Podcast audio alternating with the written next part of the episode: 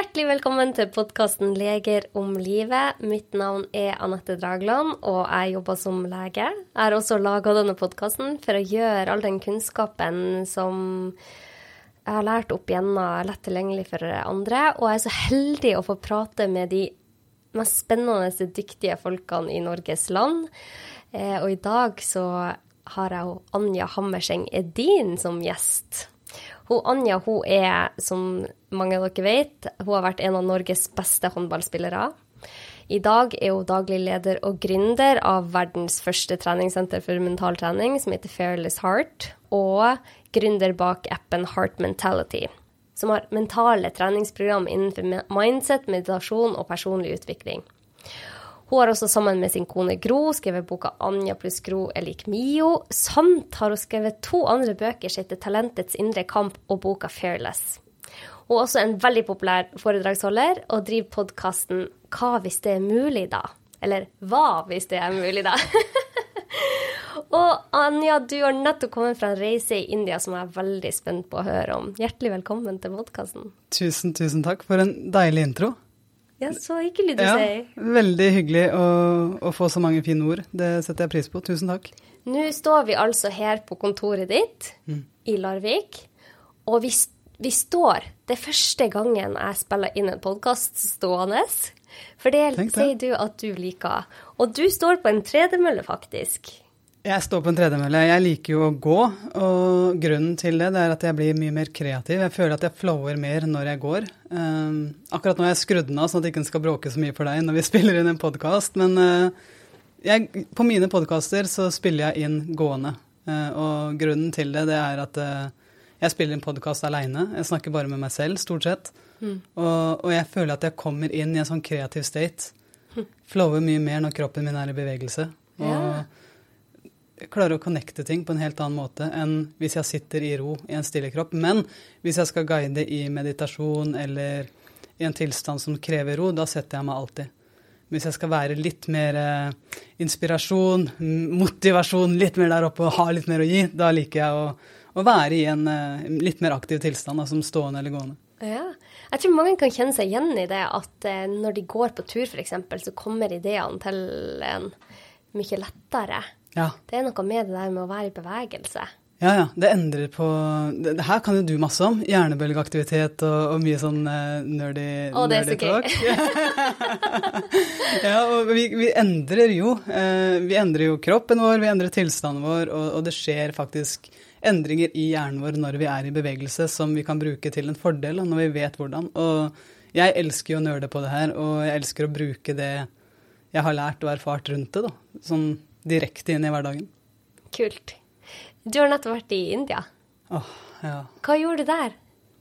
Det har vært en drøm for meg i mange år å få lov å være i India. Og, og, ikke bare i India, for India er jo veldig stort. Det er veldig mye med India. Eh, men det jeg har drømt om, det er å reise ned og lære enda mer om pust og meditasjon spesielt. Mm. Og, og den indre roen som jeg opplever at så mange mennesker har der nede, da. Og som vi her i Vesten driver og adopterer ganske mye. Uh, nå har jo pust og meditasjon vært en del av mitt liv på, i mange år i hverdagen.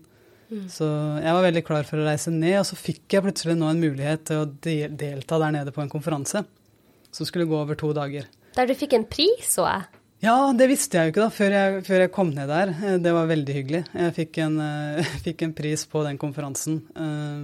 For hva? For jobben jeg gjør med mental helse. Eh, og, og, mental styrke, da. Og, og jeg syns det var sånn Ja, det var litt oi. Det var en sånn wow-opplevelse. Det visste jeg ikke at skulle skje. Og så syns jeg det var fint å få den i meditasjonens hjemland. Mm. Eh, så jeg kjente det. Jeg ble litt emosjonell faktisk der. Jeg, jeg ante ikke at det skulle skje. Men jeg skulle få lov å være der nede i ashramet ashrammet til Art of Living. Um, og jeg spurte om å få reise ned en del dag, dager tidligere, sånn at jeg kunne lære litt mer, ta noen programmer, dypdykke inn i den verden og rett og slett snakke med folk. Eh, høre litt om hvordan de var i sin egen hverdag. Hva vi kan lære, hva er det jeg kan ta med meg tilbake igjen som, som vi kan lære her, som kan være en fordel for oss, både i forhold til å styrke vår egen intuisjon eller styrke vår egen Jeg har lyst til å bruke det her sant, i, i hverdagen min. Eh, hvordan bli mer produktive, hvordan bli mer tilgivende, hvordan bli mer tilstedeværende fordi vi er glad i. Og, så jeg var bare veldig nysgjerrig. Det var en stor, stor, stor opplevelse å få være der, og jeg skal definitivt tilbake. Det, det, er noe med det der med at når man klarer å være i nuet, og det er så klisjé, så blir man mer fornøyd. Eh, og det er jo gjort studier, bl.a. en studie fra Australia, kom jeg på nå, der man, eh, man, De som holdt studien, de ringte opp folk i Australia, og så spurte de hvor var tankene dine akkurat nå når jeg ringte deg.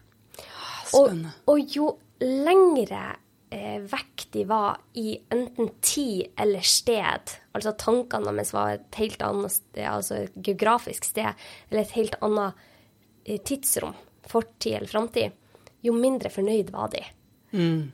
Og jo mer tankene dreide seg om noe de gjorde her og nå, jo mer fornøyd var de. Ja. Det er litt artig. Ja, det er eh, Og så er det, tror jeg, eh, veldig naturlig at det er sånn. Mm. Eh, kan du tenke på eget liv, da. Hva, hva er det i øyeblikket som ser tilbake på de siste 24 timene, og du tenker, og hvis du virkelig hadde hatt lyst, hva er det du ville vært Hva er det du kan velge å være takknemlig for, f.eks., så er jo det ofte øyeblikk hvor du faktisk var der. Mm. Ikke de øyeblikkene hvor du satt og tenkte på noe. Mm, ja, ja, ja. ja så, så, jeg syns det gir mening. Jeg syns det var veldig spennende at de gjorde det på den måten der. Eh, sånn, hvor var du nå? Eh, selv om du var der. Men hva føler du at du tok med deg tilbake fra Australia? Nei, eh, fra India? Fra India. Det var eh, Og det er mye. Det er mye og jeg vet ikke om det er ferdig marinert ennå heller. Men uh, en av tingene som jeg, jeg, mener at jeg Som virkelig gjorde inntrykk på meg, det var enorm uh, De tar så ansvar for sin egen tilstand før de møter andre mennesker. Så jeg hadde jo et menneske der nede som blei min venn, som fulgte meg overalt, og som, som, lærte meg opp, og som Hun var ved min side hele tiden, da. Og, og, jeg spurte henne før vi møttes i dag, hva gjorde du da?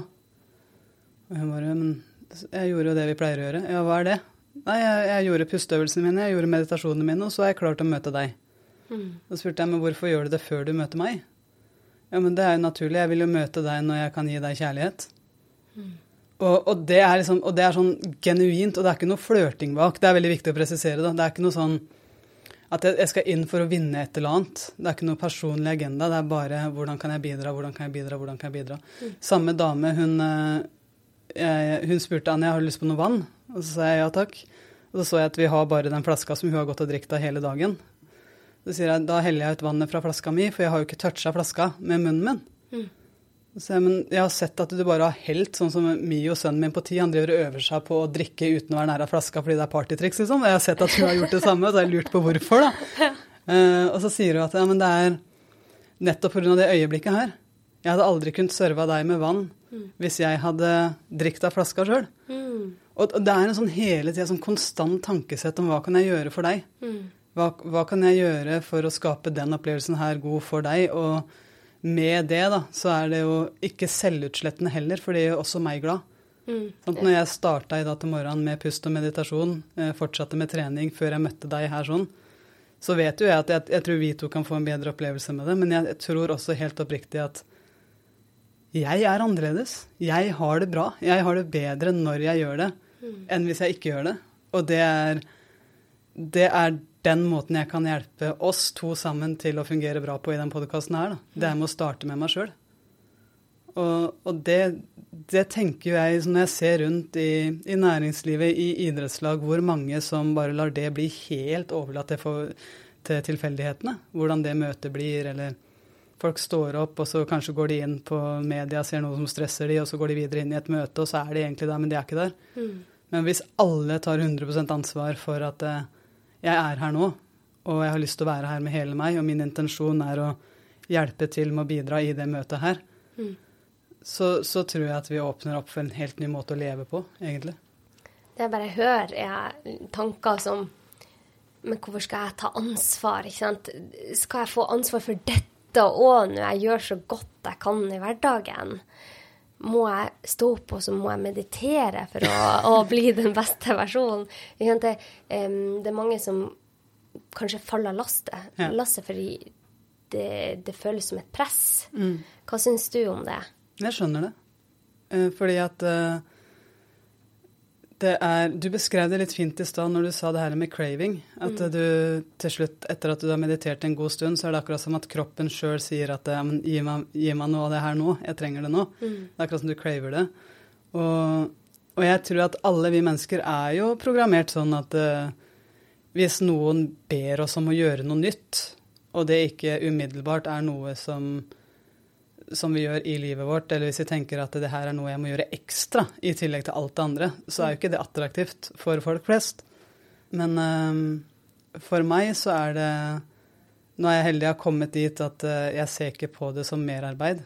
Mm. Jeg ser på det som at jeg er veldig heldig som har fått lov å gå den runda og tatt den reisa, og ser nå at uh, det er noe jeg får lov å gjøre. Det er noe som er tilgjengelig for meg, som jeg kan velge å gjøre. Jeg kan også velge å ikke gjøre det. Men i resten av dagen min da, så merker jeg en forskjell. Og det er ikke noe krise. Det er ikke noe sånn at da går verden under hvis ikke jeg får meditert. Men jeg kjenner at jeg blir mer reaktiv. Jeg kjenner at jeg ikke er så skjønn overfor ungene som jeg skulle ønske jeg var. Jeg har en kone som jeg er fortsatt stup forelska i hun etter x antall år. Sant? Og jeg, fortsatt så kjenner jeg på sånn Jeg kan virkelig kjenne inni hjertet mitt at jeg er så takknemlig når vi er sammen. Mm. Og jeg tror jo at hvis jeg ikke praktiserer de tingene her, da, så er det veldig lett å ha alle de skattene rundt meg uten egentlig å legge merke til det som er bra. Mm. Fordi at jeg tror den mentale verden kan bli sånn tåkete noen ganger. Eh, hjertet kan lokkes av noen ganger hvis vi blir stressa. Den mentale verden kan bli litt tåkete, og så ser du ikke klart, da. Men ved å faktisk prioritere det og, og kanskje også aktivere det som jeg kaller for rassen, sånn kjempebarnslig, det retikulære aktiveringssystemet sånn, Hvis du liksom virkelig leiter etter hvorfor jeg er takknemlig for at du er min i dag. Hva, hvorfor elsker jeg deg i dag? Hvis, hvis, jeg, hvis, jeg, aktivt går inn og leiter etter de tingene her hos Gro, mm. så vil jeg finne svaret på det. Mm. Og da vil jeg kjenne på mer takknemlighet, og det gjør meg glad. Mm. Men hvis jeg ikke gjør det, så vil fokuset mitt mest sannsynlig vandre helt fritt der oppe uten å ha noe mål og mening, og mest sannsynlig da så lander det på steder som ikke føles like bra. Og jeg kan føle meg stressa, så kan jeg se meg sjøl gjøre ting som jeg ikke er som ikke jeg har lyst til å se meg sjøl i speilet for. Da. Mm. At jeg har lyst til å være et menneske som jeg er stolt av å være. Jeg har lyst til å være en kjæreste jeg er stolt av å være. Jeg har lyst til å være en mamma jeg er stolt av å være. Uten at det skal bli en sånn greie om at jeg må være perfekt. For det er jeg ikke på noen som helst måte. Men jeg vet at jeg kan kontrollere ganske mye av min egen tilstand. Men hvordan går man bort fra tanken om å være perfekt, men samtidig ønske å utvikle seg? Mm. Det er, det er kjempebra spørsmål. Uh, jeg tror jo at uh, de to henger veldig sammen. Jeg tror ikke det er enten-eller.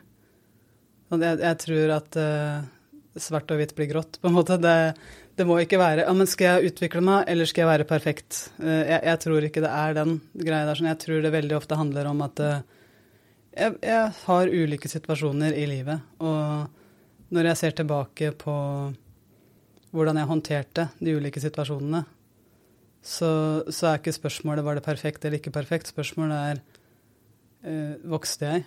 Eh, var jeg i vekst der sånn? Kunne jeg utvikle meg der sånn? Mm. Eh, hvis jeg leverer en podkast eh, på, på, hva hvis det er mulig, da, hvor jeg kjenner etterpå at ja, men nå har jeg publisert den, men var, jeg skulle sagt det på den måten. Jeg vet ikke om du har hatt det sånn noen ganger. Ja, ja. At du, du tenker å, men, å, jeg skulle hatt med den. Og, og så tenker jeg at min utvikling nå, det er ikke å gå inn og slette den fila gjøre den om igjen for å få et perfekt resultat. Min utvikling, det er jo nettopp den innsikten. Mm. At eh, ja ah, Og takket være at jeg nettopp publiserte den, så fikk jeg nå en innsikt der jeg kan gjøre ting bedre neste gang. Og så kan jeg bygge på, og så kan jeg bygge på. Og jeg tror den derre De henger veldig sammen, da. At uh, jeg, jeg, kan rett og slett hele tida kjenne at ja, men hva lærte jeg av det her? Hva er det livet prøver å lære meg med det her? Mm. Hva er det den indre stemmen prøver å lære meg med det jeg hører nå? Hva er det magefølelsen min prøver å fortelle meg? Mm. Jeg, jeg, tror veldig på at vi har en sånn mulighet til å navigere etter det. Og, mm. og gi slipp, kanskje. Gi slipp på den følelsen at det må være så perfekt. Men hva er det du elsker å gjøre? Hva er det, du, hva er det som gjør deg at du smiler? Hva er det som setter en sånn wow-følelse i deg? Gjør mer av det. Føler du at du klarer å være fornøyd samtidig som du ønsker å utvikle deg? At du er fornøyd med den du er her og nå? Ja, fordi at uh, ikke, ikke, alt. Uh, ikke alt, men jeg, jeg føler virkelig at uh, jeg kobler såpass ofte i løpet av dagen på hjertet, da. Og det har blitt en sånn veldig daglig praksis for meg. At Vi kan snakke mer om det seinere, men, men når du kobler på hjertet, og du aktivt leiter etter takknemlighet, du aktivt leiter etter hva er jeg stolt av med dagen i dag, når jeg legger meg i kveld, hva er det jeg kommer til å være stolt av når jeg legger meg i kveld? Hva har vært fine øyeblikk gjennom dagen? Det er rett og slett det jeg ser mer av, da. Mm. Og så er det samtidig det ene spørsmålet OK, men hvor har jeg muligheter for vekst her? Hvor har jeg muligheten til å ta det neste steget, til å virkelig utvikle meg? Mm. Og av og til så utfordrer det egoet. For at ego vil jo si nei, nei, du trenger ikke utvikle deg, du er så god fra før. Mm. Uh, men hvis jeg bare gir slipp på den, da, og bare ser på det med kjærlighet og tenker at uh, jeg gjør så godt jeg kan, og jeg vet at jeg ga full innsats Hvis jeg ikke har gitt full innsats, så er det slakt. Det, det hadde jeg blitt skuffa over med meg sjøl. Men hvis jeg vet at jeg var godt forberedt, jeg har gitt det jeg kan, og jeg etterpå da ser at jeg kunne gjort noe annerledes, så er det bare sånn Ja, men det betyr at jeg har blitt bedre. Mm. Det kan jeg faktisk velge å være takknemlig for. Mm. Og så vet jeg at hver eneste dag, det, det gir en mulighet til utvikling, da. Det gir en mulighet til å se ting på en ny måte. Det gir en mulighet til å kjenne den takknemligheten. Mm. Og, uten at det skal bli sånn dypt at ja, men da å, nå, jeg, jeg, føler at takknemlighet og sånn, det blir sånn Å, nå må vi veldig seriøse. Men uh, det er egentlig bare, for meg i hvert fall, å sette meg inn i en tilstand hvor jeg har det bra. Det er så mye forskning som bekrefter det du sier, Anja. Hvis man er takknemlig og ser på eh, hendelser i livet med takknemlighet, så blir man mer fornøyd og lykkeligere. Så eh, det å kunne øve på det kan ha så utrolig mye å si for livskvaliteten sin. Og det du sa om utvikling Jeg tror jo at veldig mange av de um, Jeg tror veldig mye av de, de gangene du virkelig føler på lykke, er når du har utvikla deg. Du har sett at du har klart å, å, komme deg videre. Så det handler ikke om det der med at å, nå skal jeg gjøre alt perfekt, og podkasten skal bli den mest perfekte podkasten. Men det handler om å utvikle den, og det gjør meg glad. Det gjør meg fornøyd eh, og tilfreds. Mm. Så jeg syns det er veldig fint at du eh, sier det. Men du er jo en av eh, Du er en veldig populær foredragsholder, Anja. Du reiser jo landet rundt og lærer andre om mindset, om fokus, mental trening. Hva, hva ligger i dette? Hva ligger i disse begrepene? Å, det er et bra spørsmål. Jeg har vokst opp med lærere og trenere som har prøvd å rope meg tilbake i fokus ganske mye. Den der 'Anja, hold fokus, da! Hold fokus!' Og alltid så har jeg tenkt at det er en god idé. Alltid. Kjempegod idé. Og jeg har alltid vært helt enig i at jeg har hatt veldig lyst til å holde fokus. Jeg bare har ikke skjønt hva de har snakka om. Og så har jeg skjønt etterpå, når jeg begynte å jobbe med det her, at det, det har jo ikke de heller. Det er et sånt krav som vi stiller til hverandre, og et krav vi sier at ja, men når du først er her, så får du være her. Og, og, vi trener ikke på det. Vi trener ikke på å være der vi er, men jeg tror at mange av de som lytter til nå, har hatt øyeblikk i løpet av livet hvor de har vært et sted, og så har de vært der i tillegg. Og det er ganske fine øyeblikk. Da er vi tilbake til det du sa i stad i forhold til det å være der når du er der, da. Og hvor var du nå når vi ringte da? Mm. Hva, hva, hvor var fokuset ditt? Og veldig ofte så vandrer jo dette fokuset. Sant? Det vandrer opp i den mentale verden. Og ifølge en studie fra Harvard så er vi der oppe 47% av tida. Og jeg syns det er interessant, fordi at da, da, er det jo relevant å stille spørsmålet hva driver du med der oppe? Mm. Hva, hvordan er det der oppe? Er det fint? Og, og, hvordan bruker du det her til din fordel? Da? Veldig ofte så vandrer det jo sånn som jeg ser det i hvert fall. Det, jeg ser det litt i bilder, da, så jeg ser for meg en vindusvisker.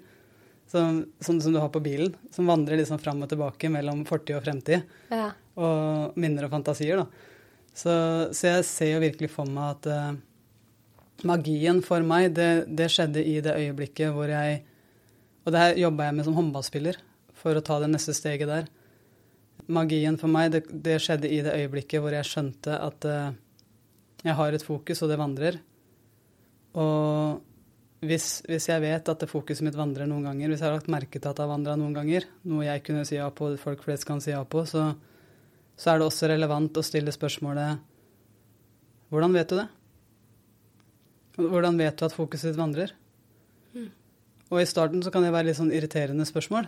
For det er sånn Ja, men jeg er inni her. Jeg, jeg merker det jo. Jeg, ja. Og hvem er det som merker det? Hvem er den personen som legger merke til at nå er fokuset mitt litt på det som skjedde i går?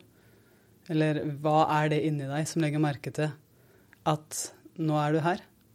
Oppi din mentale verden. Det er et eller annet inni deg som registrerer hvor fokuset ditt er. Mm. Og i det øyeblikket, jeg i hvert fall for min del, i det øyeblikket jeg skjønte at uh, jeg er den som legger merke til hvor fokuset mitt er. Jeg er den som kan registrere hvor det er, om det er her med deg nå i nå-øyeblikket, eller om det er oppi den mentale verden.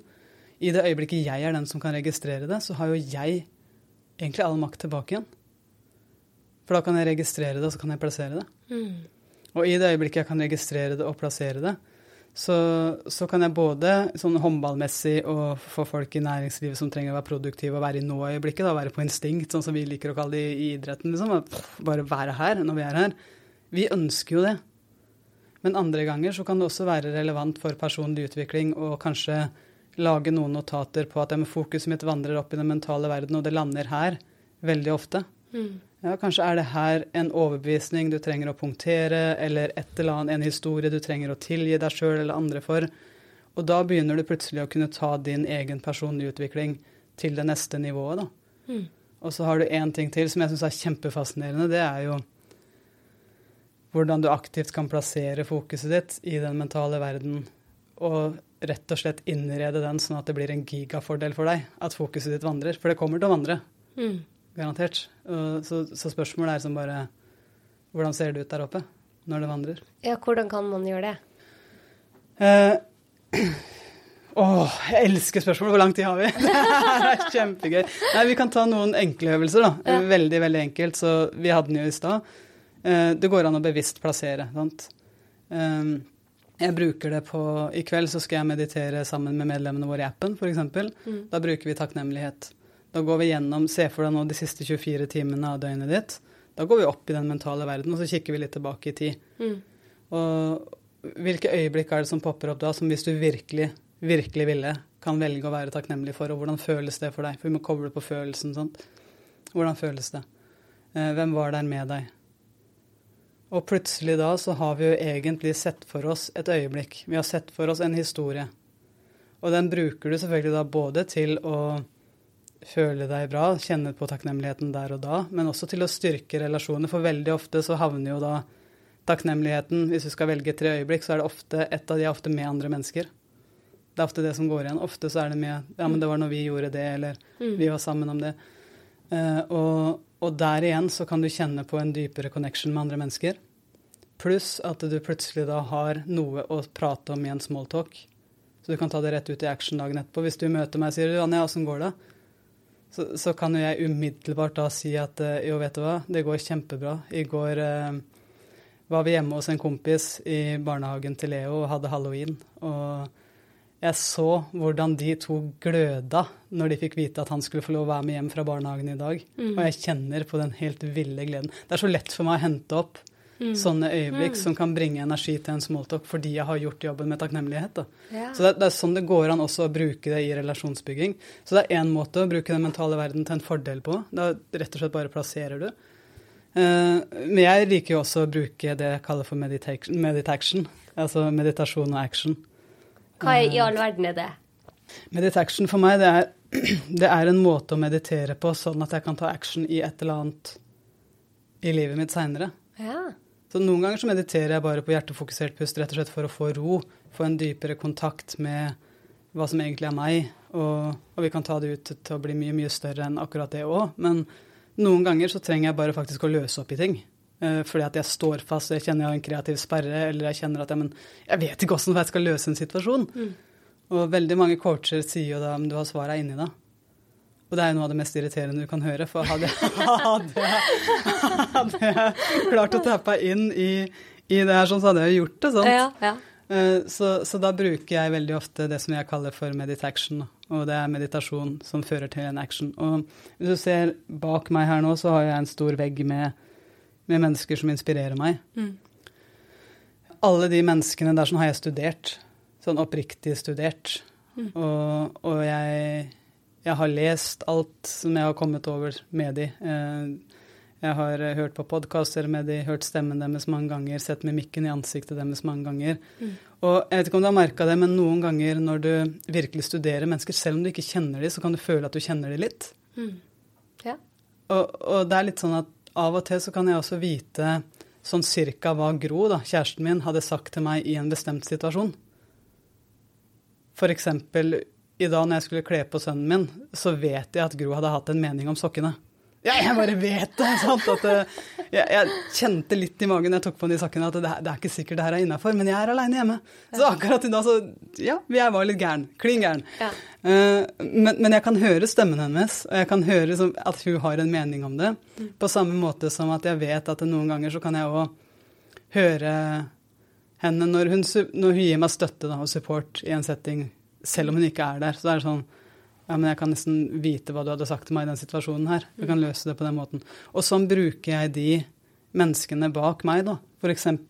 Sri Sri, Ravi Shankar, Jay Shetty, Kobe Bryant, Vishen Lakiani. Jeg, jeg, har studert de såpass mye at jeg kan, jeg kan nesten gå inn i min mentale verden og prate med de når jeg lukker øynene mine.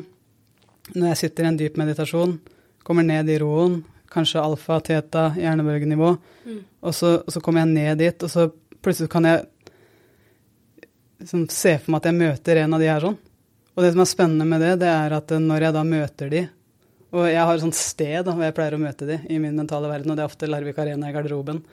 Uh, og, og, da pleier jeg å sånn, se for meg at Vision kommer inn, og så kan jeg stille et spørsmål om business. Uh, Kobe Bryant kan komme inn, så kan jeg stille han et spørsmål om mindset hvis jeg føler at jeg, jeg står fast. Uh, Jay Shetty kan komme inn, og så kan jeg stille ham et spørsmål om en eller annen kreativ prosess, for han er veldig god på storytelling. Mm. Så, så, jeg føler at det, det er nok en sånn som kanskje noen vil si at uh, det her høres crazy ut, du, du, må ta deg en pille. Men hvis jeg skal være helt ærlig, så er det for meg Jeg får noen svar i de meditasjonene som gjør at jeg kan ta action i min fysiske verden på en helt annen måte enn hvis jeg hadde skippa det. Mm. For jeg er så lei av å bruke masse tid på å ikke vite hva mitt neste steg er. Mm. Men hvis jeg kan tappe inn i mindsettet til mennesker som kan mer enn meg mm. om ting, og jeg kan bare late som at jeg prater med dem og se for meg hva tror jeg du hadde sagt nå, mm. så kan jeg få tilgang på noen verktøy der sånn som jeg ellers ikke har. da. Og, det er jo litt sånn jeg bruker min mentale verden. Så her, det er sikkert spennende for deg å tappe inn i den mentale verden og vært der litt. Uh, men, Vil jeg gjerne. Eh, sikkert sånn studie for leger. Men jeg, jeg tror virkelig at uh, det er noe av det som hjelper meg med å, å navigere òg, da.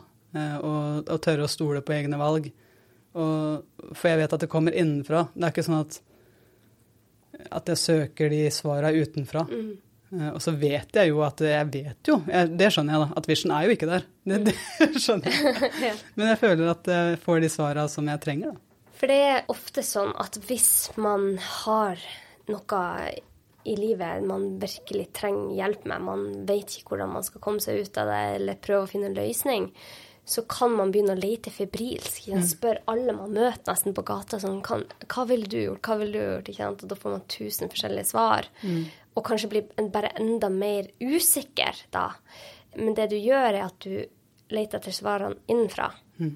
Og da kommer jo oftest de rette svarene. Mm det har i hvert fall vært sånn for meg at jeg merker at jeg er blitt mye tryggere på mine valg. Mm. For mange år siden så ville jeg aldri tort å takke nei til en kjempegod stilling på Rikshospitalet som hudlege mm. for å drive med podkast og formidling. det hadde vært helt vanvittig, ikke sant. Eh, men jeg var et sted der jeg torde å kjenne etter min magefølelse. Mm. Og den sa det så tydelig at dette måtte du gjøre. Jeg måtte bare gjøre det. Så jeg på, hadde jeg hørt på alle rådene rundt meg eh, som kom uten at jeg spurte det engang, så hadde det vært sånn helt det, det verste jeg har hørt, det er så dumt at du takka nei til en så trygg stilling. Du er liksom to år fra å være hudlege. Mm. Kan ikke du drive med podkasten etterpå? Det var det man hørte hele tida. Men jeg, bare, jeg visste inni meg at dette måtte jeg gjøre. Og eh, det har gjort meg det at jeg kan meditere på ting, har gjort at jeg er blitt mye tryggere på meg selv. For før så gikk jeg rundt og var veldig usikker på hva er det jeg egentlig vil.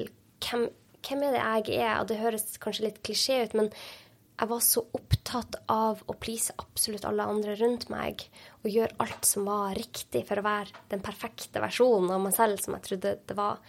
Eh, men det ble jo aldri bra nok, da. Mm. For når du hele tida prøver å please andre, så det du søker bekreftelse fra andre, så vil det alltid være noen som ikke er fornøyd. Og da blir du aldri fornøyd med deg selv. Mm. Men nå kan jeg legge meg, og så kan jeg tenke ah, jeg sto i det der og kjenne at jeg er fornøyd med det jeg gjør, selv om det går på Selv om det er kanskje eh, motsatt av det samfunnet rundt meg sier at jeg burde gjøre. Mm. Det, det, er bare I hvert fall for meg så har det vært en sånn utrolig styrke. Ja, jeg er helt enig. Jeg syns det er kjempespennende historie du har der. Og det å, det å meditere på det, som du sier, da. Det Merker du det er sånn forskjell på stemmen i hodet ditt og intuisjonen din? Ja. ja. Og ja. det er magisk. Ja. Og jeg lurer litt på om vi misser noe der, når ikke vi hjelper flere med å faktisk oppleve forskjellen. Mm. Eh, fordi at uh, den er så markant, og det er så lett å gå etter stemmen i huet. Mm. Det er akkurat det. Det er så lett å tenke at tankene dine er deg. Mm. At alt det der spinnet som går rundt og rundt, å, du burde ta den stillinga på Rikshospitalet, kanskje du får den sjansen igjen, og nå mm. kommer du til å aldri kunne få lønn igjen. Ikke at alle de her tankene, det er ikke deg. Det er bare noe som du har blitt lært opp til å tenke gjennom mange, mange år. Mm. Men når du kjenner inni For meg så er ikke det Når jeg kjenner etter hva jeg skal gjøre neste steg, så, så er det ikke oppi hodet. Det er i kroppen. Det kjennes fysisk i kroppen min. Mm. Og jeg unner alle å, å, kunne kjenne på den følelsen, for den gjør i hvert fall meg mye sterkere til å stå i vanskelige avgjørelser. Jeg er helt enig. Den har og, og, samtidig så tror jeg at det er kanskje litt skremmende for folk. Eh, fordi at ofte så dukker det opp i stillheten. Mm. Og, og, det er klart at med den øvelsen som jeg snakka om i stad i forhold til meditation, da, så skjer det litt oppi oppi topplokket som gjør at det kan nesten være som å være i en film. Og det også er jo en illusjon, på en måte. Så, men det å håndtere sin egen stillhet, og det å ikke ha noe som skjer, og det å bare se hva som dukker opp, det er også ganske kraftfullt i forhold til meditasjon. Og, og da kommer du inn i den veldig ekte og intuisjonen som ofte teta-tilstanden gjør med oss. Da. Mm. At vi kommer inn i den tydelige forskjellen mellom stemmen i hodet og intuisjonen vår. Mm. Det som faktisk kommer fra hjertet. Det mm. som kommer fra et sted som er veldig veldig ekte, og ikke bare et sted av frykt. Og, og, jeg tror virkelig på det at uh, flere og flere kommer til å oppsøke den informasjonen fordi at det er et trygt sted å navigere fra. Og det blir attraktivt å kunne være i et liv hvor du står tryggere i dine egne valg. Mm. Hvor du kjenner at du, du er ja, du er din beste coach, da. Mm. Og, og, bare sånn til lytterne, hvis de ikke kan relatere seg så godt akkurat nå, så vil jeg spørre eh, deg Har det noen gang blitt bra at du gikk imot magefølelsen din? Mm. For at hvis man tenker over de gangene man har gått imot magefølelsen og gjort det motsatte av det magefølelsen sier, så får man et ganske tydelig svar. I hvert fall har jeg fått det i mitt liv. Da blir det som regel ikke det jeg ønsker. Og den magefølelsen, den Jeg vet ikke det kommer, hvor den kommer ifra. Men det kan være noe man har lært gjennom helt fra man var et spedbarn. Eller det kan være noe vi ikke klarer å vite helt sikkert hva er ennå. Men det er noe som forteller deg så grunnleggende hva du trenger i ditt liv akkurat der og da. Um, og for å få tilgang på det, så har det for min del vært sånn at jeg må ha satt meg ned i et stille rom. Og jeg har fortalt historien mange ganger om at jeg ikke tålte å være i stillhet med meg selv for ti år siden. Virkelig ikke. eh, til å komme hit der jeg syns det, det, er noe jeg virkelig føler jeg må ha. Det, um, det er ikke sånn at jeg går rundt og føler et tomrom hvis jeg ikke mediterer, men jeg føler at det gir meg noe ekstra hvis jeg får muligheten til fem eller ti minutter. Um, ja. har du noe du har lyst til å si på temaet før vi skal videre? ja, jeg syns du oppsummerte det egentlig veldig fint. Og jeg tror nok at uh, hvis det er noen lyttere her som ikke er veldig kjent med meditasjon, da, og, og at det, det, er litt nytt og stillheten er skummel, så jeg skjønner det. 100 uh, eh, jeg, uh, En av de mest skumle tinga jeg har gjort, det var å reise ti dager i stillhet. jeg jeg syns virkelig at det var kjempeskummelt. Og det sier jo ganske mye, da. Det eneste du skal gjøre, det er å være aleine med deg sjøl og meditere i ti timer om dagen. Det skjer ikke noe annet. Det er ikke noe livstruende som skjer. Det kommer ikke inn en tiger eller Nei, det er ingenting som skjer. Men jeg syns det var skummelt, for jeg visste ikke hva som kom til å dukke opp. Mm. Og jeg var ikke vant til å være så mye i stillheten. Så jeg kan definitivt relatere meg til det, men jeg tror at det er litt sånn hero's journey. At du på en måte du, du går fra et helt vanlig, normalt liv, det du er vant til å se deg sjøl som, og så lurer du på er det noe mer. Er det noe der ute som er uutforska? Er det noe mer jeg kan oppleve der sånn som, eh, som gjør at jeg kan finne en eller annen ro, en eller annen glede allerede før jeg har oppnådd noe som helst? Det å starte på den reisa, det, det har i hvert fall vært for meg helt ekstremt transformerende. For jeg har vært hele livet mitt så ekstremt opptatt av å sette mål, nå målsetninger, jakte hele tida noe som skal ligge tre år eller tre måneder frem i tid. Mm. Og det kan bli en sånn hamsterhjulfølelse, en følelse av, som du beskrev, at det, er ikke nok. Selv når jeg nådde det målet, så, så var det neste milepæl liksom, som gjaldt. Da det er alltid ett hakk fram i tid. Mm. Og da, da kan det føre til I hvert fall så gjorde det for meg en veldig stressende kropp. Og, og jeg opplevde at det, det, funker ikke å leve sånn over tid. Jeg må, jeg må, ha tilgang på det som også gir ro og tilstedeværelse i øyeblikket. Da. Og ha tilgang på den følelsen at jeg er glad før jeg har nådd det målet. Det er ikke det målet som skal gjøre meg lykkelig. Mm. Jeg har lyst til å gjøre den jobben allerede før det, da. Så kan det skje fete ting etterpå. Eh, mest sannsynlig så gjør det jo det, når du navigerer ut fra det. Men jeg bare lova meg sjøl det at eh, det er ikke et mål som, som, jeg skal se for meg som skal være den årsaken til at jeg skal bli lykkelig. Det er en sånn jobb som jeg gjør i hverdagen min. Og basert på det så skjer det jo ganske, ganske fine ting. Mm. Hvordan gjør du det når du går rundt til bedrifter og i foredrag og ønsker å lære bort teknikker, mindset, meditasjon? Hva, hva er det som er viktig for deg å formidle? Jeg liker å bruke ord som folk flest forstår. Mm. Uh, Hadde, det var et, et, eksempel som var veldig veldig spennende. Det var rett før koronaen. Da hadde jeg en lang prosess med en bedrift. Og han var veldig gira på at eh, de ansatte, altså lederen, da, veldig gira på å hjelpe ansatte med å bli mer produktive. At de skulle få mer gjort. Og, men bare ikke kom med noe sånn meditasjonsgreier, for det, det gidder vi ikke. og så tenker jeg sånn, ja, hvor tar jeg det herfra? Det, det er interessant. Um, men så sa jeg det er helt fint, de skal ikke kjøre noe meditasjonsgreier. Men hadde det vært ålreit for deg med sylskarp fokustrening? Ja! Ja, ja, det hadde vært noe. Ja. Så, så, det er jo på en måte lek med ord, eh, ja, ja. egentlig. Ja, eh, fordi sylskarp fokustrening, den kjøper de. Eh, meditasjon, nope. Det er for svevende, og da blir det røkelse umiddelbart, og det er ikke vi interessert i. Så, og jeg skjønner det. det. Du trenger ikke noe røkelse hvis ikke du absolutt vil. Eh, så, så jeg tror det er noe det har, liksom, det har, blitt så kommersialisert, og det, det har blitt sånn uh, for, for, mange så tror jeg det har blitt litt skremmende at uh, hvis jeg skal assosiere meg med meditasjon, så må jeg også assosiere meg med røkelse og blafrende klær. Og for noen så er jo det helt topp, ja. men for andre så er det nettopp det som gjør at dit ja. kan jeg ikke gå. Ja. Uh, og, og jeg, når jeg legger det her sånn fram, så er det mest mulig hverdagslig og nedpå. og gjør det på din måte. Det, det, som funker for deg, det er jo det som er viktig. Så vi må jo gå inn og, og finne ut av hvorfor i alle dager skal du gjøre det her. Uh, det er ikke sånn at uh, For meg i hvert fall så er meditasjon det er som mat. Det fins jo et hav av retter der ute som du kan velge å, å smake på og kjenne etter og, og erfare. Da. Mm. Så, så, det som passer for meg, det passer mest sannsynlig ikke 100 for deg mm. alltid. Mm.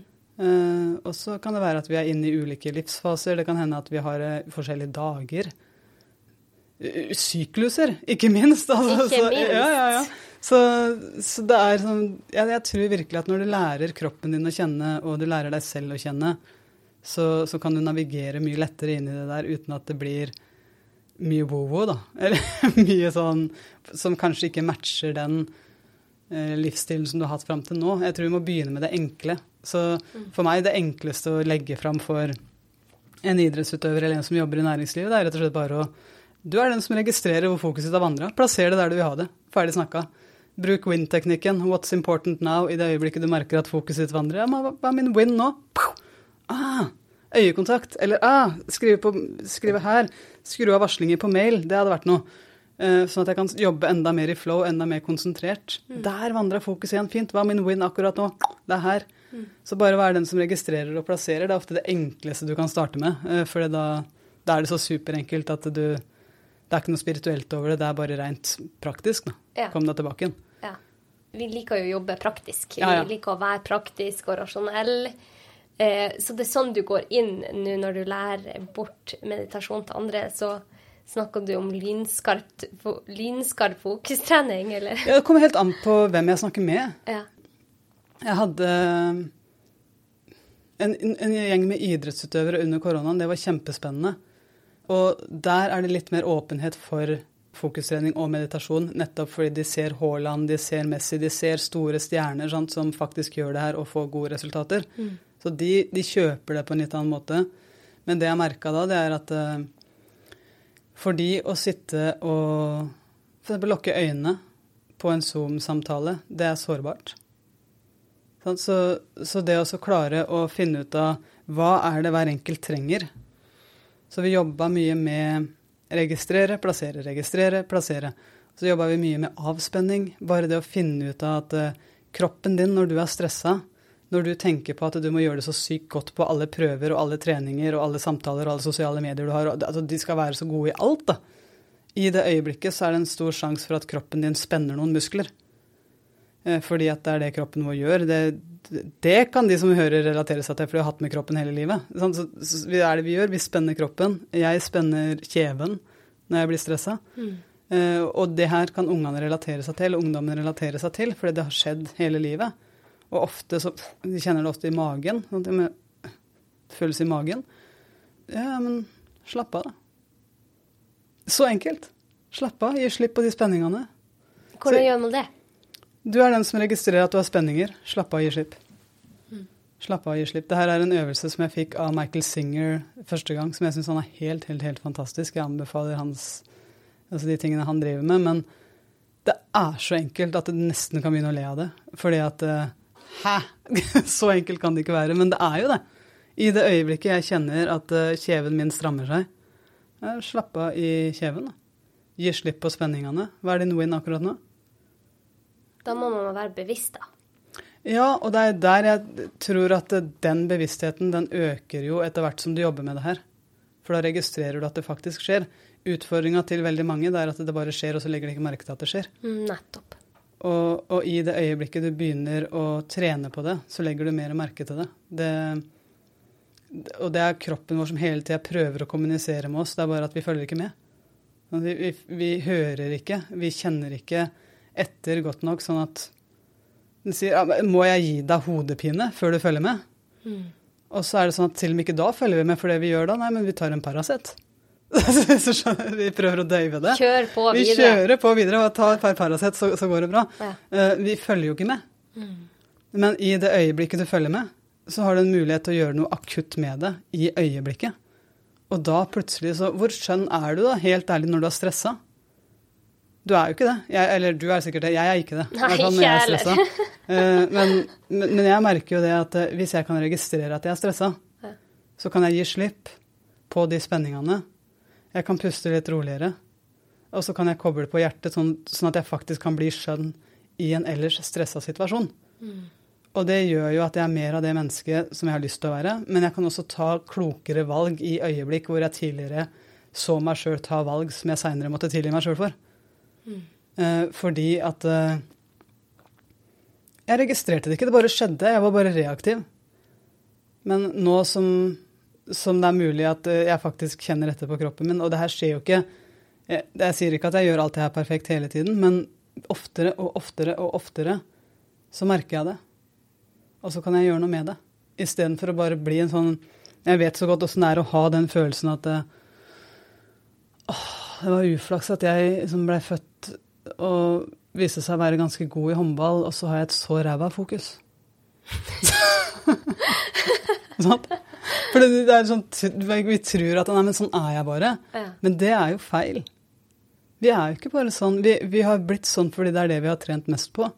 Men når du begynner å trene på å registrere og plassere, når du begynner å trene på å følge med, og, og faktisk legge merke til hva som skjer, så blir du god på det òg. Og utfordringa er at vi trener ikke mennesker i vårt samfunn opp til det her. Vi hjelper de ikke inn i det. Vi, vi setter de på et tog i øyeblikket de starter i barnehagen og på barneskolen, og så må de navigere ut ifra andre sine forventninger i 10-13-20 år. Før de går ut, og så står det en hel haug med folk som sier 'bare vær deg sjøl'. Ja. Hvor mye har jeg trent på det, da? Hvordan gjør du det med dine barn? Og det er litt ulikt. Vi har to veldig ulike barn. Eh, Med han eldste det er litt lettere, for han, eh, han er jo ti år nå. Veldig tidlig med han så jobba vi med takknemlighet. Og det her er jo noe Gro og jeg gjør mye sjøl eh, hver kveld. Men vi, vi gjorde det veldig tidlig med Mio. Vi har begynt nå med Leo, han er fire. Og da går vi gjennom Jeg kan ta øvelsen da, som vi, som vi gjorde med han helt i starten da han var liten, og så har han utvikla seg litt nå, fordi han har utvikla seg og blitt større og gidder ikke høre på alt det der lenger. Så, men når han var sånn fire-fem år, så la han merke til at uh, når han puster inn, hva skjer med magen da? Den går ut, sant? Så det han så for seg, det er at når han, når han puster inn, så fyller han opp magen sin med hjerter. Og så lekte vi med det oppi i den mentale verden. Så sa vi OK, men slags, hvor mange hjerter er det? Hva slags farge er det på hjertene? Og så videre og så videre. Da. Og så når du puster ut nå, Mio, så se for deg at du sender de hjertene videre til noen du er glad i. Noen du har møtt i dag. Eh, noen du kjenner at eh, du har lyst til å gi de hjertene til. Hvem kan det være? Og, og da navngir jo han noen mennesker, og han virkelig, når han puster inn og puster ut, så ser jo han virkelig for seg at han sender de hjertene til, til Inger, til Besta, til mormor, til, til menneskene rundt seg. Og så prater vi litt om ja, hvorfor fikk de hjerter i dag. Og så, jo, og så var det gjerne noen øyeblikk da, som har skjedd i løpet av dagen, eller noe han har kommet på som har skjedd for lenge siden. Og, og det er en sånn både for oss som foreldre, veldig fin måte å hjelpe han med å roe ned kroppen på. For i all ærlighet så han er ikke like gira på å legge seg som det vi er på at han skal legge seg. Mm. Eh, Så når vi jobber med lang utpust For han skjønte jo det at hvis han puster ut mye, så kan han sende flere hjerter. Så, så jo lenger utpusten er, jo flere hjerter får du. Mm. Og, og når du puster ut, så roer det jo ned systemet ditt. Noe som gjør at det er lettere å falle til søvn. Så, så vi gjorde den øvelsen i veldig, veldig mange år med Mio. Um, nå sender vi ikke så mye hjerter, men nå, nå er det litt mer sånn Han har fått litt kulere språk. Så nå er det litt mer Eller kulere språk. Han, han syns det er kulere språk. Ja, Eh, men da er det litt mer sånn Ja, hva skjedde i dag som var gøy? Hvem var der med deg? Ja, Når smilte du i dag? Og det er jo egentlig takknemlighetsøvelse, det òg. For når vi kobler da på hvorfor, så plutselig så kjenner han jo de følelsene. også. men det er bare et annet språk som matcher han bedre akkurat nå, da. Mm. Og, så, og med Leo så er han litt mer sånn uh, Han kan si Hvis jeg sier til han jeg har vært fin til deg, nei, jeg bæsja, liksom. Han, sånn kan han si. så han er en litt sånn annen type, så vi driver og navigerer i hvordan treffer vi deg. For jeg har tenkt å begynne med han nå, da. På hva, hvordan treffer vi deg med språket, Ja. sånn at det blir fengende for deg. Og det er egentlig en interessant reise, syns jeg. Det er å prøve oss fram. Det, jeg er ikke så redd for å teste ting. Jeg tror veldig mange som begynner med det her, lurer på ja, men gjør jeg det rett? Mm. Jeg bare tenker, hva er effekten her? Ser jeg en effekt? Eh, kan jeg påvirke deg positivt? Kan jeg påvirke meg positivt? Så er jeg ikke så redd for å teste det nå. Åh, det er kjempefint. Eh, det gjør det kanskje mer robust å stå i livet. For livet blir Livet er tøft av og til. Og livet har mørke dager. Hva gjør du på de dagene der du merker at alt butter imot. Du driver mye med mental trening, du gjør så mye bra, men av og til så er det tunge dager. Hva gjør du da? Jeg bruker hjertefokusert pust. Mm. Og, jeg, og, jeg, bruker det mye. Um, så akkurat det samme som du lærer barna dine, bruker du selv? Ja, uh, men uh, Ja. Jeg, akkurat nå så har jeg litt hjertefokusert pust med Mio, faktisk, på kveldstid. Uh, og, men, kan du gå igjennom en hjertefokusert pust? Ja. Vil du at jeg skal bruke fortellerstemmen, eller skal jeg rett og slett gjøre det? Jeg syns vi skal gjøre det. Ja. De som hører på, kan sette seg ned nå, og så kan de følge oss eller følge Anja i en hjertefokusert pust. Ja, det kan jeg gjøre. Eh, hvis, hvis, du som lytter da nå har muligheten til å lukke igjen øynene dine, så har jeg lyst til å invitere deg til det. Eh, og det er egentlig bare fordi det her er Hvis det er første gang du gjør det. Det her er en øvelse du kan gjøre med øynene åpne gjennom hele dagen òg. Men akkurat nå så er det lurt å ta bort en sans. Så bare sitt sånn som du er komfortabel med å sitte, og hvis du vil, så kan du lukke igjen øynene dine.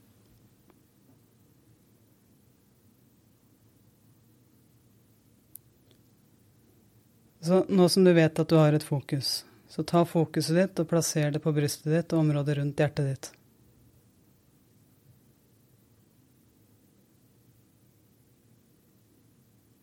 Pust litt roligere og litt dypere enn vanlig. Og gjør et ærlig forsøk på å se for deg at du kan puste inn og ut i området i og rundt hjertet ditt.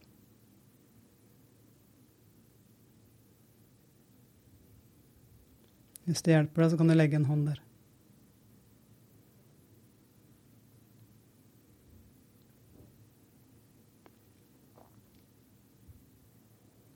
Se nå for deg et menneske som du er glad i, og se for deg at det mennesket smiler til deg.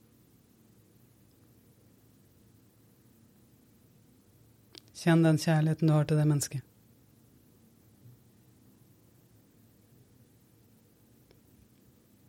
Legg merke til den følelsen, hvordan den oppleves for deg.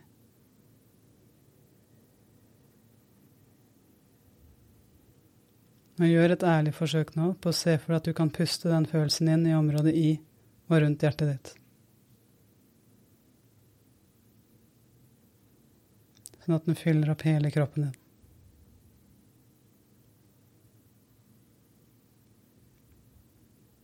Hele livet ditt så har du blitt fylt med energi når du har pusta inn. Når du puster ut, så gir kroppen din slipp på det den ikke trenger lenger. Så når du nå puster inn denne følelsen, så legg merke til hvordan det føles, og du har mer enn nok sjøl. Så når du puster ut nå, så kan du se for deg at det som er til overs, det sender du videre. Tilbake til det mennesket du så for deg.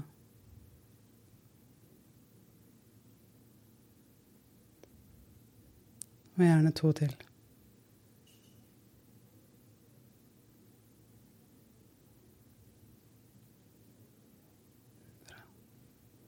Nå kan du ta fokuset ditt, plassere det i ansiktet ditt, området rundt munnen. Putt et lite smil rundt munnen bare fordi du kan. Ta et godt pust inn. Og et godt pust ut. Og hvis du har lukket øynene nå, så kan du åpne det igjen.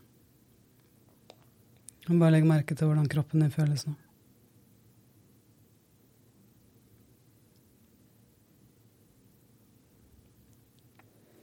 Så de tre første stegene her, det er ta fokuset ditt, plasser det på brystet ditt og området rundt hjertet ditt. Pust litt roligere, litt dypere enn vanlig og gjør et ærlig forsøk på å se for deg at du kan puste inn og ut i området i og rundt hjertet. De tre stegene, det vil aktivere det nervesystemet ditt som gjør at du roer kroppen ned.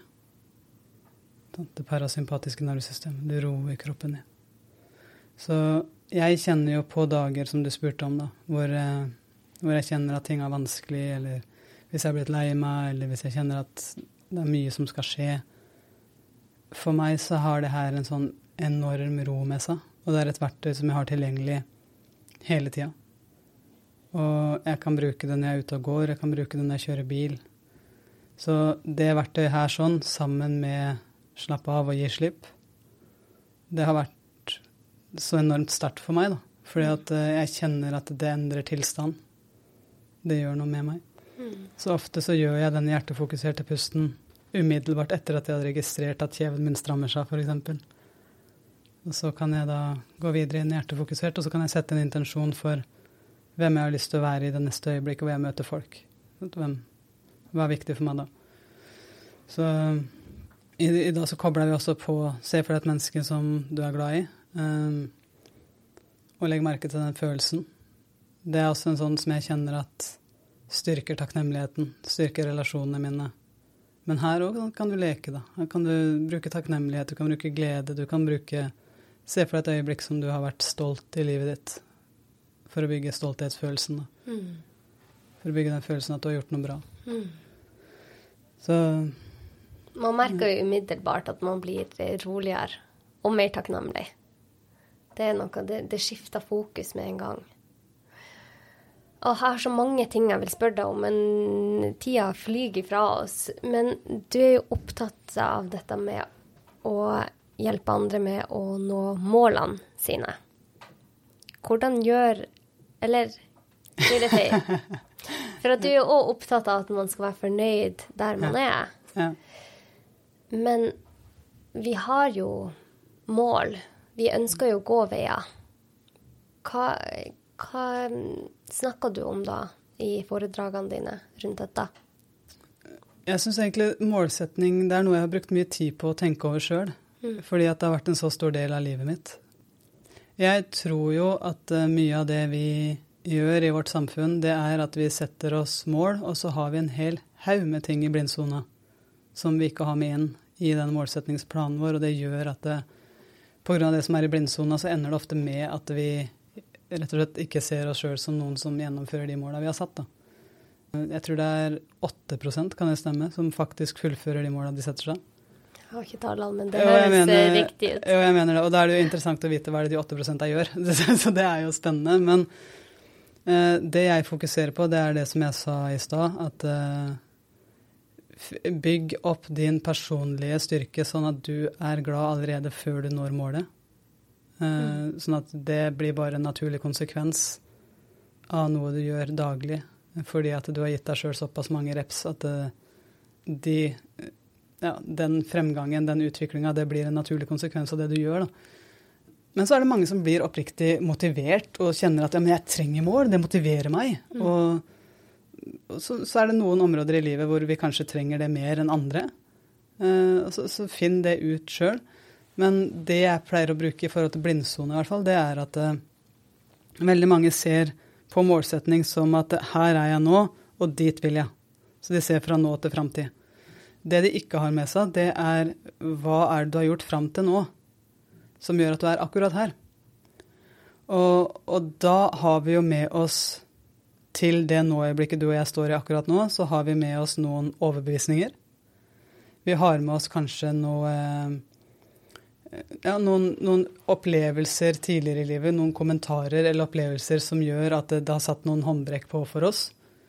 Som gjør at uansett hvilket mål jeg stiller meg, uansett hvor motivert jeg er for å ta det målet, så hvis ikke jeg ser det håndbrekket, så vil jeg alltid finne muligheter til å sabotere da, for meg sjøl. Kanskje har jeg etablert noen vaner i de to årene som har vært, som hvis ikke jeg er oppmerksom på det, kan sabotere for det målet jeg setter meg. Mm. Så det å gå den runda med hva er det jeg faktisk har gjort, fram til nå, våge å være ærlig på det. Hva er det jeg faktisk gjør veldig enkelt da, når jeg er på trening? Sånn som Jeg har mange idrettsutøvere som jeg prater med som er sånn frustrerte for at jeg gjør jo alt korrekt, jeg gjør alt de ber meg om, men jeg ser ikke noe fremgang. Og, og veldig ofte da så kan det være enten en overbevisning, f.eks. En, en spiller som jeg hadde, som hadde lyst til å rett og slett helt enkelt skåre flere mål mm. i laget sitt. Så sier jeg hvor mange ligger du på nå i snitt? Da må vi vite hva er sannheten. Jeg ligger på tre mål i snitt nå. Ok, hva, hva er målet? Jeg vil i hvert fall opp til fem. Så sier jeg, men hvor mange skudd bruker du nå på å sette de tre, de tre målene? Nei, mellom, eh, mellom seks og sju skudd. Så har jeg tre mål ofte. Mm. Så fant vi ut det ut fra de tallene som hun hadde, da. Ok, så du skal opp til fem mål. Hvor mange flere skudd er du villig til å ta i løpet av en kamp for å få de fem måla? Er du villig til å Og da plutselig så toucher vi jo inne på hennes rolle i laget. Ja, men jeg, jeg, kan jo ikke ta så mye plass i laget. Jeg kan jo ikke ta så mange skudd. Mm. Nei. Og, og, hvis det er din overbevisning, så vil du aldri bli fornøyd. Fordi du kommer til å søke et mål som du har en overbevisning om at du er ikke verdig å ta den plassen i laget. Til å ta alle de skudda som gjør at du kan komme da på fem mål. Så da må vi inn og jobbe med rollen i laget. Ikke bare skudduttellinga og teknikken rundt skuddet, men vi må inn og jobbe med hvordan kan du bli så trygg i ditt lag at du kan ta den plassen som gjør at du skyter ni skudd i løpet av en kamp. Og, når vi er inne på der, da er vi inne på også personlig utvikling. Mm. Og det er derfor jeg mener at sportslig og personlig, personlig, utvikling henger så mye sammen. I næringslivet så kaller de det bare utvikling, og jeg tror vi mangler et ord der. Fordi at uh, veldig, veldig mange de, de, har samme prosess i næringslivet. Si, si gründere, da. Jeg jobba med en gründer her en dag som hadde lyst til å ha flere salg. Jeg hadde lyst til å ha I prosjektet som trengte flere salg på det de holdt på med. Så er det sånn, men det, det er jo kjempefint. Men hvorfor?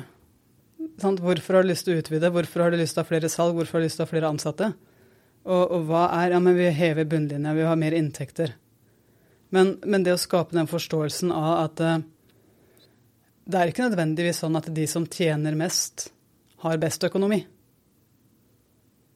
Er du med på det? Mm. De som tjener best, har ikke nødvendigvis best økonomi, fordi at uh, du, kan gi en, uh, du kan gi en mann jeg vil si, ja, men jeg har så lyst på 100 000 kroner. Ja, Hvor mye har du nå? 40? Fint. Du kan gi den mannen 60 000, da. Mm. Men jeg skal love deg at han veldig kjapt kommer til å finne en eller annen måte å få 40 på igjen. Mm. Fordi at han er ikke vant til å håndtere det. Han er ikke vant til å se seg sjøl eh, i en posisjon der de håndterer det her. Og det å vite hva er du har med deg inn i nå-øyeblikket når du setter deg mål Jeg tror det er viktig å gå den runda ganske grundig, mm. eh, og vi, vi, gjør ikke det. Eh, ofte syns i hvert fall jeg, da, i, i vårt samfunn. Vi, vi, hopper over det steget, for det er litt ubehagelig. Da. Så vi, vi, vil helst Nei, Nei, nei, jeg vil, jeg vil bare se for meg målet. Det føles så bra ut når jeg er der. Ja. Ja. Men det føles bedre ut å være der når du ikke føler deg som en svindler. Sånn, når du vet at du, du, fortjener å være der, og du har gått den runda med deg sjøl, du står der med ro, og du, du har vært glad hele veien. Mm. Hvordan, hvordan eh, gjør man det rent praktisk, da? Sånn som for han som vil ha mer salg. Hva anbefaler du han å gjøre? jeg, jeg, anbefaler for det første know thyself. Altså hvem er du? Og, og, det å finne ut av hva er det Der må vi jo gå den runda på hva er det det faktisk Hva er det faktiske målet ditt? Hva er det du faktisk er ute etter her? Eh, for vi har jo, syns jeg, skapt et samfunn med en sånn illusjon om at mer er bedre. Mm. Men hva innebærer det egentlig? Er du klar for å i det hele tatt være en leder? Eller er du fortsatt den som kjenner at du får et kick av å gå ut og få salgene? Eh, så, så vi må begynne, vi må sånn finne ut av Det er en litt lang prosess. Jeg må finne ut av hva er det han virkelig da faktisk vil. Mm. For det er ikke bare å, å, tenke at vi må vokse, vokse, vokse, vokse. vokse. Det er en veldig naturlig tanke i vårt samfunn, for vi tenker hele tida utvikling, utvikling, utvikling. utvikling. Uh, men jeg lurer på om vi av og til tenker det uten å vite hvorfor. Sånn, hva, hva blir egentlig konsekvensene av det her sånn? Er du, du, er du, villig til å ansette en som kan ta den jobben for deg, om f.eks. å følge opp de nye ansatte? Er du villig til å se på din egen fortid i forhold til hvordan du har håndtert økonomisk vekst tidligere? Er du villig til å lære av de beste, kanskje ta noen samtaler med investorer, kanskje finne deg en mentor? lære, være nysgjerrig og se deg selv vokse, og så om tre måneder kikke tilbake på hva du faktisk gjort, mm. sånn at du vet at eh, ja, jeg er kanskje den samme, men jeg har vokst, jeg har blitt bedre, jeg fortjener å være der jeg er nå. Og så tørre også å se, se litt nærmere på den sannheten. Da. Eh, for, eh, for en håndballspilleren så er det jo en helt annen prosess. Der er det jo å finne litt mer ut av hvordan kan du ta den plassen i gruppa? Hvordan kan du både skyte ni skudd og være det mennesket du er stolt av å være? Igjen ikke svart-hvitt, men hvordan kan du både òg? Mm, mm.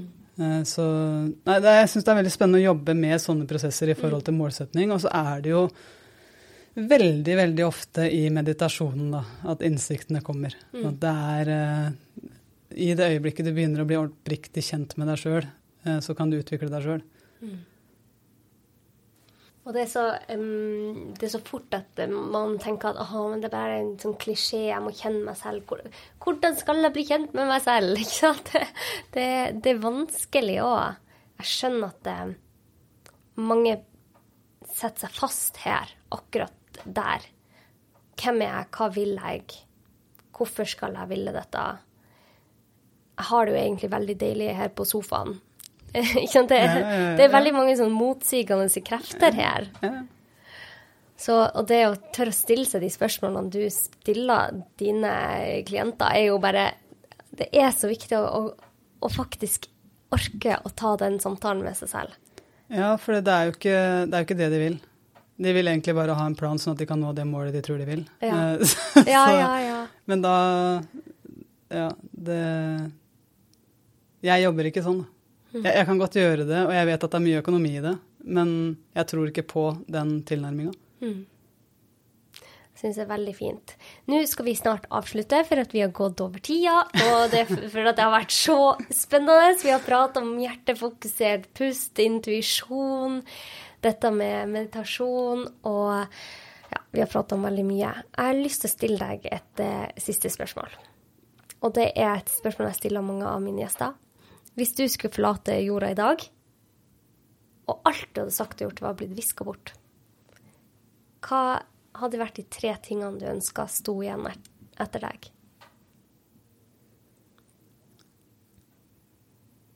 Å, jeg elsker også det spørsmålet. Jeg, jeg drømmer jo om at uh, Si jeg hadde lagt inn kroppen i dag, da.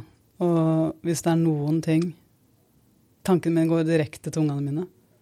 Og jeg tror virkelig at hvis de kan få kontakt med hjertet sitt, så kan de skape det livet som de virkelig vil ha. Og, og det er egentlig den ene tingen som jeg, som jeg, drømmer om for de, det er i det øyeblikket du, du jobber med det, mm. eh, så vil det åpne seg også hvem du er. Det vil åpne seg hvorfor du er her. Litt sånn Golden Buddha-story. Eh, du vil finne ut av mer av hva som er ditt ekte jeg. da. Og, og, jeg tror virkelig at det, i det øyeblikket du trener på det her, og du ser mer og mer og mer av det som er ditt ekte jeg, bare Alt det andre bare preller av, og så kommer du nærmere og nærmere og nærmere det som er ekte.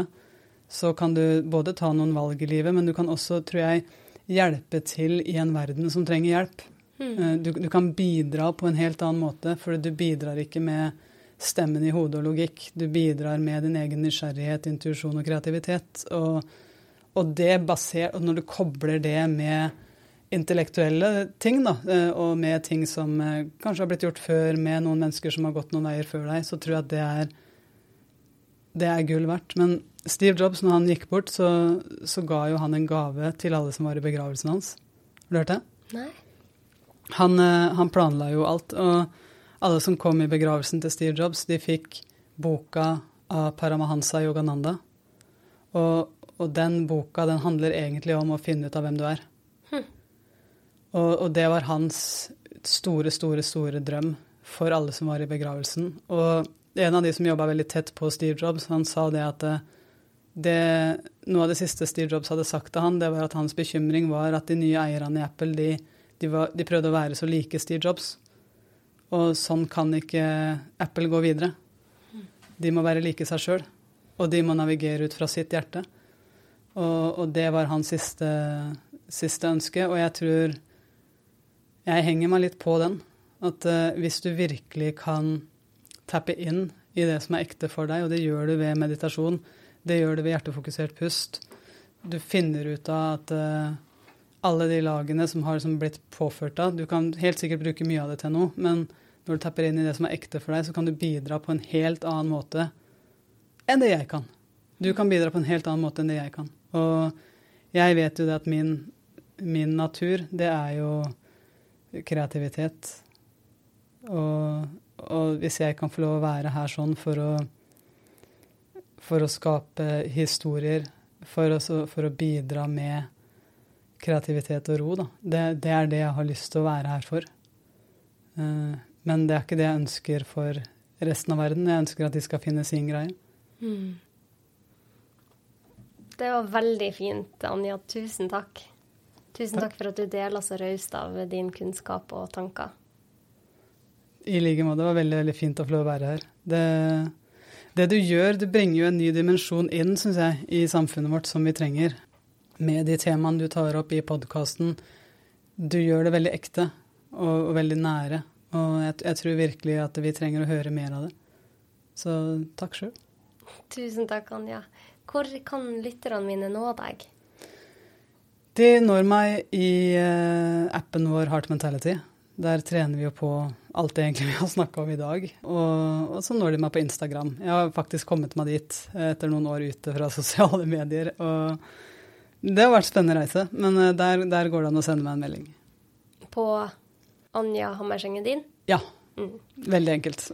Kjempefint. Tusen takk til deg. Og hvis du syns denne episoden var til nytte eller glede, send den til noen du tenker vil ha glede av den.